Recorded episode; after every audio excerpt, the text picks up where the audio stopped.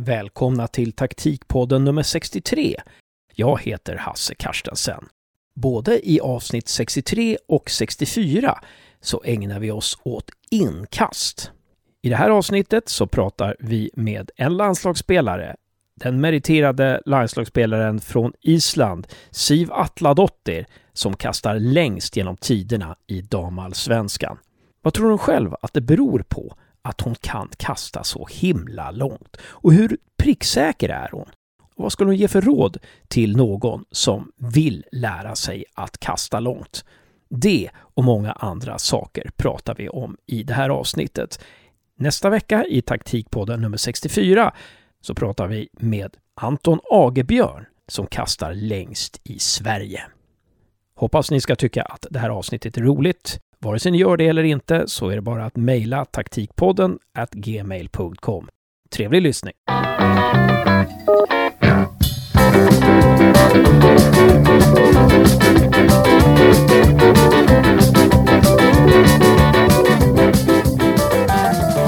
Välkommen till Taktikpodden, Siv Atladottir. Tack så mycket. Eh, vi är så himla glada över att ha dig som gäst. Du är helt fantastisk. En isländsk landslagsspelare. Idag så ska vi prata mest om långa inkast. Ja. Innan jag går in på det så ska jag göra en liten presentation av dig Siv. Så får du rätta mig och lägga till någonting eller dra ifrån någonting om du inte tycker att någonting stämmer. Ja. Du är mittback för det mesta. Ja. Du är isländsk mästare med Valur. Ja. Eh, Du har deltagit i två EM-slutspel. Mm. Du har 80 landskamper för Island. Ja, lite över 80. Lite över 80.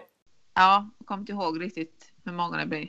Nej. Men lite över 80. Lite ja. över, Wikipedia ligger lite efter där helt enkelt. Ja. Eh, eh, Du har spelat i Saarbrücken. Mm. Eh, Och det var året innan du gick till Kristianstads DFF där du har spelat sedan 2011. ja, precis. Du är den spelare som kastar längst inkast i damallsvenskan. Ja, eller ja, det... Jag tror vi är inte... Alltså vi, det är inte många, många lag som eh, kör de här långa inkasten. Så att det hade varit roligt att se om, om någon, någon kastar längre. Vi säger det nu i alla fall och så får någon motbevisa. Någon får skriva till oss på Twitter eller Ja. Instagram och säga att ni har fel. Eh, och sen så arrangerar vi en tävling där du tävlar mot den personen. Ja, Ja. det hade varit roligt. Ja, ja vi får se. Eh, och eh, välkommen Josef! Tack så mycket. Du är snart klar med din eh, kandidatexamen i Sport Science i Växjö på Linnéuniversitetet och eh, det är en trygghet för mig att du är med med all din kunskap om världens alla ligor. Men vi kastar oss ut någonstans då Siv. När började du inse att du kastar långt? Ehm, jag har egentligen en bakgrund från eh, friidrotten. Så min karriär är kanske lite eh, konstig jämfört med andra. Eh, jag började väldigt sent att satsa på fotbollen, så jag började 15. Så innan dess så var jag friidrottare. Eh, var löpare i början och sen tyckte jag att det var lite tråkigt med, med att springa så att jag gick över till kastgrenarna. Där jag kastade ja, allt från kula till spjut och allting. Så jag tror att ja, den här eh, kastgrejen kommer absolut från det. Eh, så att jag, jag, ja det måste varit där vid 15 då var jag var spelare eller jag kommer inte riktigt ihåg. Och jag kunde kasta över hela, ja, ganska långt av sjumannaplanen. Eh, så då fattade man att ah, okej, här, är- här är någon grej som är eller speciell. Men den kanske börjar inte utnyttjas förrän sent i karriären. Ah, Okej, okej. Ja, det, det där är ju spännande hur, hur det har utvecklats. Det ska vi komma in på verkligen. V- vad tror du att du fick med dig från friidrotten då som du hade nytta av när du kastade inkast i fotboll? Eh, jag tror att alltså, friidrotten för mig gjorde att jag byggde, alltså jag kunde bygga upp kroppen bra. Eh, för att där tänker jag mycket, Eh, mycket med, mer med eh, formen. Alltså både när du löper eller kastar eller så, så är det mycket att du kastar rätt och använder kroppen på ett visst sätt. Eh, och där märker jag att jag har haft en stor nytta av friidrotten. Att, eh, jag känner min kropp ganska bra. Eh, och det kan jag absolut koppla till friidrotten. Och det är ju mest på grund av att man, man behöver ha typ, eh, ja, du behöver springa rätt till att komma till att använda hela din kraft.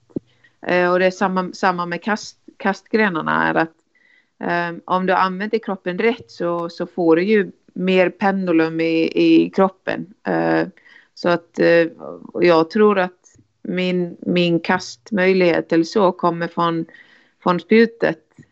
Um, för att där, där, använder, där använder man mycket bålstyrka och eh, jag märkte det för några år sedan att eh, min kraft kommer från bålen och, och magen så att eh, där tror jag att den nyttan kommer absolut den här upp, uppbyggnaden från friidrotten. Just det. Men då när du var 15 år och du började kasta ganska långt och sådär. När folk frågade dig, hur gör du? Hur gör du när du kastar så långt? Kunde du förklara det för dem?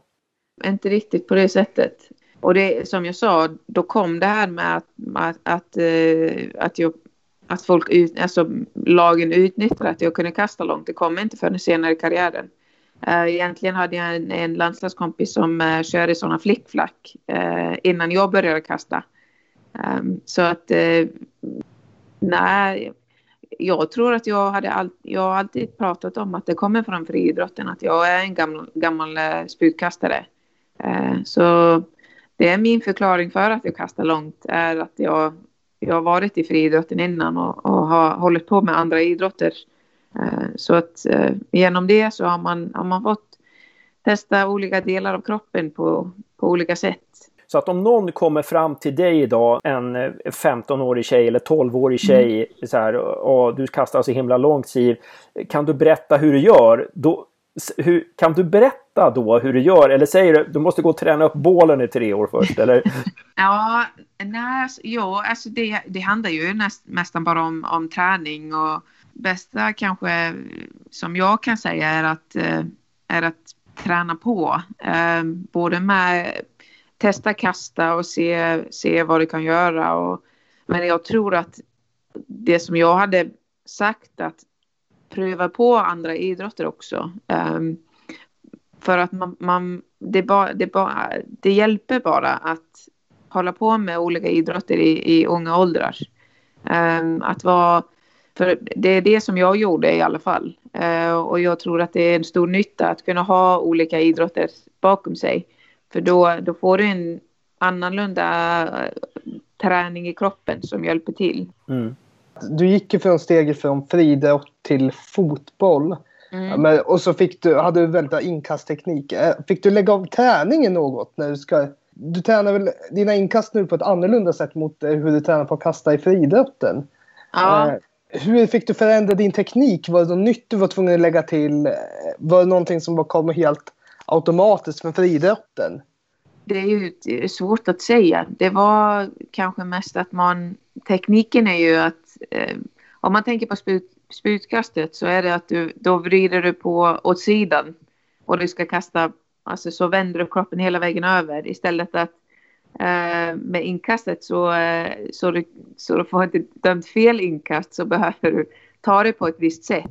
Eh, så jag har fått anpassa mig eh, enligt fotbollsreglerna egentligen. Men för mig är det ju den här tanken att eh, jag ska bara, eh, vad säger man, klämma ihop kroppen så att, så att jag nästan ska röra tårna. Så att jag har fått, jag har fått omstrukturera kastet Eh, jag är, jag är inte säker att eh, friidrottstränarna hade varit nöjda med hur jag skulle kasta ett utkast jämfört med fotbollen. Sen så sa du det att i början så, an, så använde inte dina lag dig, alltså din, eh, din alltså, superkraft om man får säga det så. Ja. När var det det började bli ett vapen? I vilket, hur gammal var du då? Vilken klubb var det? Jag tror att det var landslaget som upptäckte det, eller så först, uh, att vi började utnyttja det.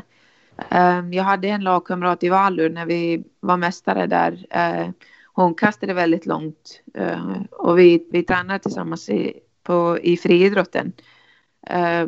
Så hon kastade väldigt långt och då någon gång så tror jag att jag sa att ja men jag kan också göra det typ. Sen i landslaget så hade jag, så hade jag ju Austa Autnadotter som körde flickflacken. Sen blev, sen Eh, hoppade jag in istället för henne och då kom de tränarna på att jag var, jag kunde också kasta långt. Eh, så jag behövde inte li lika mycket yta att eh, springa på eh, som flickflacken gör. Um, så det var lite det som upptäcktes att det var någon före mig som hade kastat långt och sen har man en, en tävlingshjärna och bara oj, det här ser lite kul ut. Jag tror att jag kan också göra det. Det blev lite det, den tanken att vi tävlade internt att ja, vem kastar längst utan att eh, folk kanske uppmärkte att jag skulle kunna också göra det. Men det började kanske mest att utnyttjas i landslaget. Eh, måste så vara 2007, 2008. Eh, så att eh, innan dess så hade det inte varit så jättemycket i, eh, eller i världen som jag har sett i alla fall. Eh, men nu känner man att eh, Island är ganska känt för långa inkast både på herr och damsidan. Mm, ja, precis. precis. Skiljer det åt, sig något åt mellan hur landslaget utnyttjar dina långa inkast mot klubblaget? Nej, alltså det är ju bara olika individer i, i de eh, som eh, i landslaget så har vi så har vi ju Sara Björk och Dagny och, och som är stora starka huvudspelare. Eh, och sen har vi ja, i, i, laget så har vi likadant men sen är det beror det på eh, vilken eh, ja vilken taktik vi ska köra och, och så. Eh, men jag tror att det, det är typ som med frisparkar. Man måste ha lite olika varianter eh, till att ja, överraska ibland. Och ibland så kan man köra samma inkast. Det är ingen fara, eh, för det är alltid farligt. För det, det är lite, det, jag tror det är tuffare att, att rensa bort en, en boll efter ett långt inkast. För den, den är inte lika flack eller hård. Så att den, eh, den landar ungefär oftast i straffområdet. Och det betyder att det, det är ett farligt läge oavsett. Mm.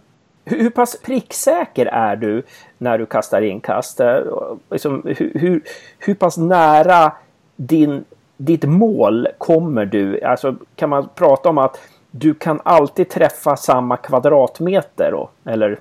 Ja, det, alltså, det kan variera. Um, det beror på, uh, ibland säger jag att uh, när vi ska, när, ibland när vi tränar på långa inkast på träningar och så, då säger jag men lägg på kanske fem meter till för adrenalinet tar över och då kan man också kasta lite längre. Just det. Ja, så att eh, det varierar väldigt mycket. Eh, både med hur jag mår i kroppen. Om jag är trött så kastar jag kortare absolut. Eh, sen eh, om det regnar så är bollen blöt och så. Och en gång i Kina så så spelade vi träningskamp och, och efter halvleken så märkte jag att bollarna var smörda med vaselin så jag kastade inte så långt efter det. Ja, ja, ja.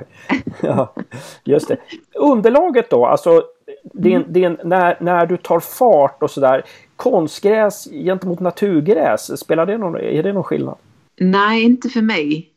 Um, Tidigare så gjorde det eh, med att jag, jag ville ha lite längre och större yta att, att kunna ta sats eh, till inkasten. Men i dagsläget så, så tror jag att det spelar inte så mycket roll. Eh, flesta konstgräsbanor har inte så mycket yta utöver de här eh, sidlinjerna. Eh, så jag har fått vänja mig vid att kasta bara från tre steg eller två steg.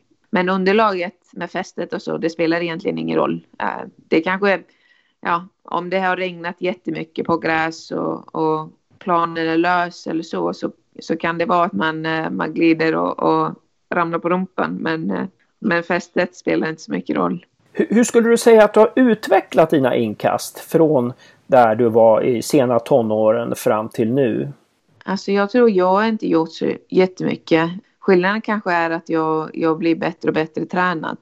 Desto längre in i karriären desto bättre tänker man på sin kropp och, och kanske man får lite annorlunda träning kring eh, styrkan. Eh, speciellt nu när man har hållit på professionell i tio år så har det ändrats mycket bara sedan jag flyttade utomlands.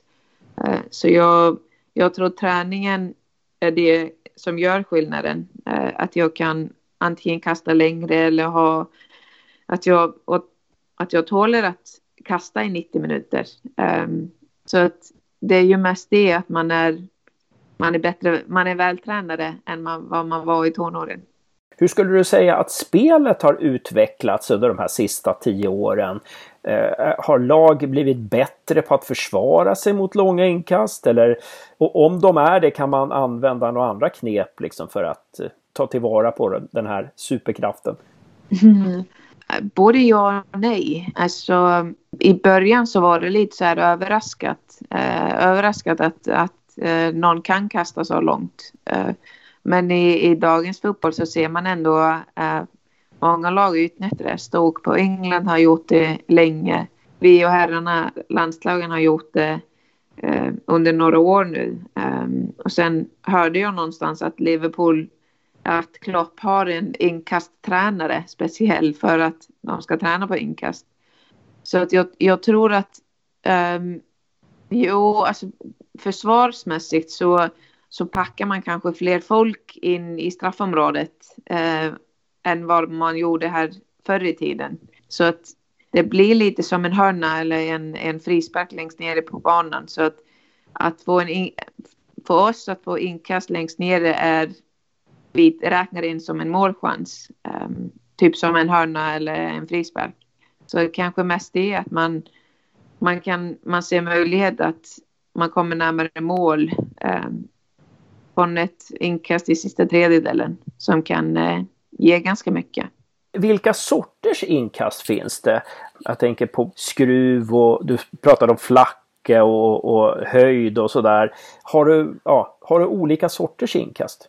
Nej, inte jag. Jag tror jag, jag på bästa dagarna så kommer de ganska raka, ganska flacka, för det är ju, det är ju kanske de som är farligaste. Jag tror att det är svårt att variera. Eh, med någon skruv så behöver man någon fysiolog till att hjälpa mig med det tror jag. Ja, eh, ja. Man kan utnyttja det. Men, men sen är det att um, um, i fotbollen så måste du ta inkast på ett specifikt sätt. Du får inte lyfta på foten eller ja, släppa bollen för tidigt eller sent. Och det är massor sådana olika regler som, som finns. Um, som inte oftast döms. Men, uh, men eh, jag har fått några gånger eh, dömt att jag kört fel inkast och då har jag lyft på foten och så. Så att det är ju det som man måste tänka på när man kastar, kastar de långa. Så att man behöver anpassa sig till det. Eh, som gör att man, man kanske antingen kastar kortare eller längre eller så man, man behöver tänka på det när man ska köra de här långa, långa inkasten. Yes, uh, hoppa tillbaka lite. Ni pratar om uh, hur man ställer upp på offensiva inkast. Men du som försvarsspelare, hur är det att försvara mot långa inkast? Är det något specifikt eller speciellt som gäller då?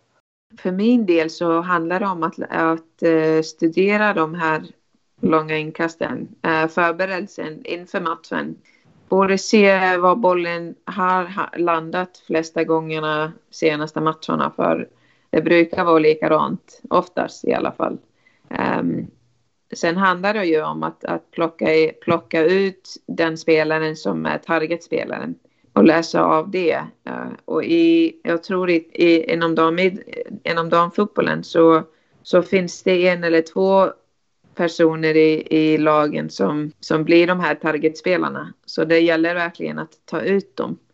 Um, och då handlar det ju om olika taktiker och, och vad, vad spelet vill. Men jag tycker det är lite svårt med att försvara sig mot de här inkasten för att oavsett om den kommer kort eller längre så finns det alltid spelare runt. Eh, så det handlar om att eh, du har ja, spelare som är kanske inte den spelaren som markerar targetspelaren men de här spelarna som kan snappa upp bollen om den inte går som man hade tänkt sig. Så att eh, försvarsmässigt så tycker jag att de är viktiga, viktigaste spelarna. De, de spelarna som ska ta andra och tredje boll. Okej, okay, det var bra. Men när, när, ni då inför en säsong med, med Kristianstad, Elisabeth Gunnarsdotter är tränare nu i Kristianstad eh, och du har ju haft henne i några år. Brukar du och hon prata lite så här, nu ska vi utveckla det här med inkasten eller är det så att du, ah, jag har tänkt på det här med inkasten eller hur, ja, hur, hur pratar ni om, om inkast och hur, hur ni ska använda er av det? Ja, det har varit lite grann, alltså för båda håll. Um, jag och tränaren, vi har en ganska bra dialog. Um, så att om det blir en idé som kommer upp, uh, då diskuterar vi det. Uh, så både jag har kommit fram i, deras, i tränarrummet och, och tänkt, ja men uh, vad tycker ni om den här varianten? Och, och, och sen sitter vi och vi kan diskutera det. Det har inte hänt så jättemånga gånger för att det brukar komma riktigt fina, fin, fina setup från, från tränarrummet. Men jag har absolut kunnat komma in och, och, och komma, komma med olika idéer och så. Men dialogen måste ha varit bra och det är ju det som måste finnas. Um, för det, om det är jag, jag som kastar så måste jag kunna också kunna tänka ut lite hur, hur vi kan utnyttja det ännu mer. Ehm, så dialogen mellan tränarna och eh, spelaren är ju viktig i den delen. Kan det vara så att du har sett en match eh, i Champions League eller sånt där och du tänker att ja, men den där varianten skulle jag testa? Eller är, det, eller är det det att du kommer på saker själv utan att ha sett? Anna? Nej, alltså, nej, jag tror att det, det handlar ju mest om att man har sett någonting och, och försöker att tänka om det skulle passa till mitt lag eller eh, hur man hade kunnat göra det där annorlunda. Jag, jag tittar ändå ganska mycket på fotboll. Så att jag tror de flesta idéer kommer från att man har sett någonting och, och antingen tar man det och vill testa det på träningen eller att man har haft en diskussion kring ett långt inkast som man, man borde ha gjort kanske lite annorlunda och så kommer fram olika diskussioner. Så att det handlar ju om vad man ser mest. För det är ju det som, som tänder på eh, idéerna. Kan det också vara så att man har ett lag ett år som inte passar för långa inkast? Att man inte har tillräckligt många nickstarka spelare till exempel. Man har inga target-spelare. Men då kan man utnyttja det på ett annat sätt. Eh, då kan man utnyttja det kanske mer på ute på planen eller eh, något sånt. Eh, så att, att man om man har, om man har inte så många långa spelare och, och, och ser inte möjligheten att kunna vinna de 90-duellerna så kan man kanske utnyttja ytorna bakom backlinjen istället eller att man kan eh, komma från en hög presssituation genom att kasta en lite längre boll. Eh, men då, då handlar det mer att, att eh, man får spela, spela eller utnyttja styrkorna i laget. Och det kan absolut komma att vi har ingen långspelare inne på plan och då är det väldigt onödigt att kasta in bollen till eh, en huvudspelare som eh, inte kanske känner sig bekväm med det. Men, eh, men när Margit Laura och spelade med oss, då hade vi också ett vapen i henne att hon det var inte många, många spelare som kunde ta bollen ifrån henne när hon fick den på fötter. Så att det var ju ett vapen som vi använde jättemycket med henne. Mm. att vi att hon fick bollen på en inkast från mig direkt på fötterna in i straffområdet och eh, som försvarsspelare så är det all, aldrig bekvämt att ha en spelare felvänt eh, in i straffområdet du, och du ska hon ska ta, ta sig förbi så du vill inte sparka henne på fötterna så annars blir det en, eh, en straffspark. Eh, ja. Så det absolut finns det olika varianter men såklart beror som allting så beror det på eh, laget du har runt omkring dig. Du är ju inte förberedd på några av de här frågorna. Det är sällan våra gäster i Taktikpodden är förberedda på frågorna. Men, så det, kanske, det här kanske är en svår fråga, men det är ändå intressant. Jag ställer den ändå. Får vi se. Menar, är det någon sån här variant, antingen som du har varit med och kört i något lag, eh, eller som du har sett något lag köra, någon inkastvariant som du skulle kunna berätta om? Jag tycker isländska herrlandslaget har en, en ganska bra och klar syn med sina långa inkast. Eh, det är ju, de körde det ganska mycket både på EM och VM. Eh, och då handlar det om att då har du två targetspelare. En som står eh, ja, på linjen och en som står lite längre in. Så att då har du i alla fall två tar targetspelare som du kan kasta på. Så det är ju den varianten som jag tycker har fungerat fantastiskt bra för herrarna och det är ju alltid intressant att se. Um, och så har de extremt duktiga huvudspelare som väldigt sällan tappar bollen i den, de lägena. Jag tycker att uh, om folk ska om folk ska se en bra variant av detta så kan de absolut googla på uh, isländska herrlandslaget. För det har de satt otroligt bra många gånger. Jätteintressant Siv. Jag har en sista fråga och sen ska Josef ta den sista frågan. När vi spelar in den här intervjun så är det måndag den 26 oktober och imorgon den 27 oktober så spelar Island mot Sverige EM-kval. En ganska avgörande match. Eh, mm. Om Island vinner så kommer antagligen Island gå direkt till EM och Sverige får kvala och eh, tvärtom du hade ju antagligen varit med och spelat den matchen. Om du inte hade nu eh, varit eh, väntat barn och fött barn eh, och varit borta från fotbollen ett år här. När du inte finns på planen i Island, när man inte har dina långa kast, hur spelar man annorlunda då? Alltså grejen är med oss islänningar, det är ganska intressant där att när jag, när jag blev gravid så fick vi in en spelare som är, har också väldigt långa inkast. Så jag tror att det finns någonting i vattnet på Island. Så när en av oss ramlar ur så finns det en, en kvar. Så att vi har, vi har faktiskt en, en tjej nu inne i A-truppen som, som har extremt långa inkast. Eh, en ung spelare som har varit i U19. Så, eh, och vi, vi faktiskt gjorde ett mål eh, när Island-Sverige möttes för fyra veckor sedan. Så gjorde vi mål från ett långt inkast. Så det är det som är lite häftigt är att det känns som att det finns i, i, i vattnet på Island att, eh, man ska, att det borde finnas en i truppen som kan köra dem. Det faktiskt spelar inte så stor roll att jag inte är med nu. Nej, just det. Det är ju dumt att tippa nu eftersom att den här intervjun kommer sändas efter det att matchen är, är, är avgjord. Så vi, vi, vi avstår ifrån det. Men eh, det ska bli kul att se dig nästa år Siv i eh, mm. isländska landslaget och i Kristianstad. Nu är det dags för Josef att ställa sista frågan. Om det fanns en tidsmaskin och du ja. kunde gå tillbaka tio år i tiden och ta med dig en insikt eller kunskap som de har nu som du hade behövt då. Vad hade det varit?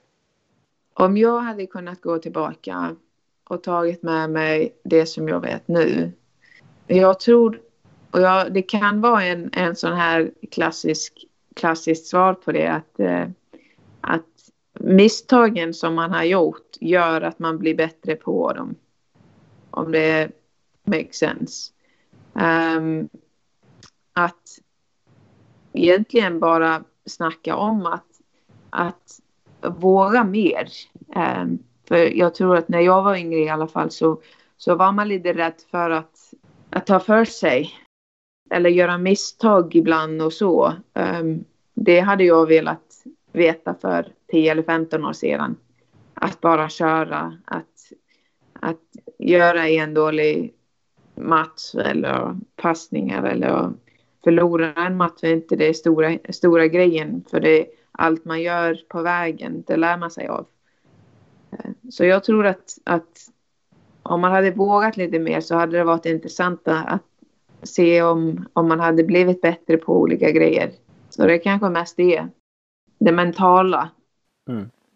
Så att jag tycker det, om, men, om mentala biten sitter så, så, kan man, så kan man nå ganska långt. Mm. Så att jag, hade, jag hade velat ha den mentala biten jag har nu för 15 år sedan. Så hade man haft en, en ganska bra skalle och inte varit så, så pass rädd för olika grejer. Men, eh, men det är ju kanske det den mentala biten. Ja. Ja, det där är ju jätteintressant. Det, det var en, en eh, författare som uttalade sig för massa år sedan som jag kommer ihåg med citat som sa att allting som jag har velat göra, det som har hållit mig tillbaka, det har varit att jag, att jag inte varit jag har inte vågat, jag har inte, jag har inte haft tillräckligt med mod liksom. Och det är det du pratar om egentligen här, att, att våga lite mer, utmana sina gränser lite mer och inte safea så mycket. Då. Nej, precis. Och det, att, att våga verkligen att att satsa på eh, vad, vad det är egentligen eh, du vill. Eh, mm. och, och, inte vara rädd för att göra misstagen. För att eh, jag tror det var Michael Jordan som sa att han har skjutit 10 000 skott eh, missar 10 000 skott och, och därför sätter han det ena i eh, slutspelet. Eh, så att, att man, man får inte vara rädd för att göra misstag för det, det är misstagen man vill lära oss mest av. Jättebra. Med de kloka orden så säger vi stort tack till dig Siv Atladottir för att du ställde upp i taktikpodden och lycka till nu med eh, din sex eh, veckors eh, son och med livet och med fotbollen och så ska det bli spännande att se dig på fotbollsplanen nästa år. Tack så mycket. Bra jobbat Josef. Tack så mycket Hasse och bra jobbat Siv. Ja, tack själva. Vad roligt. Thank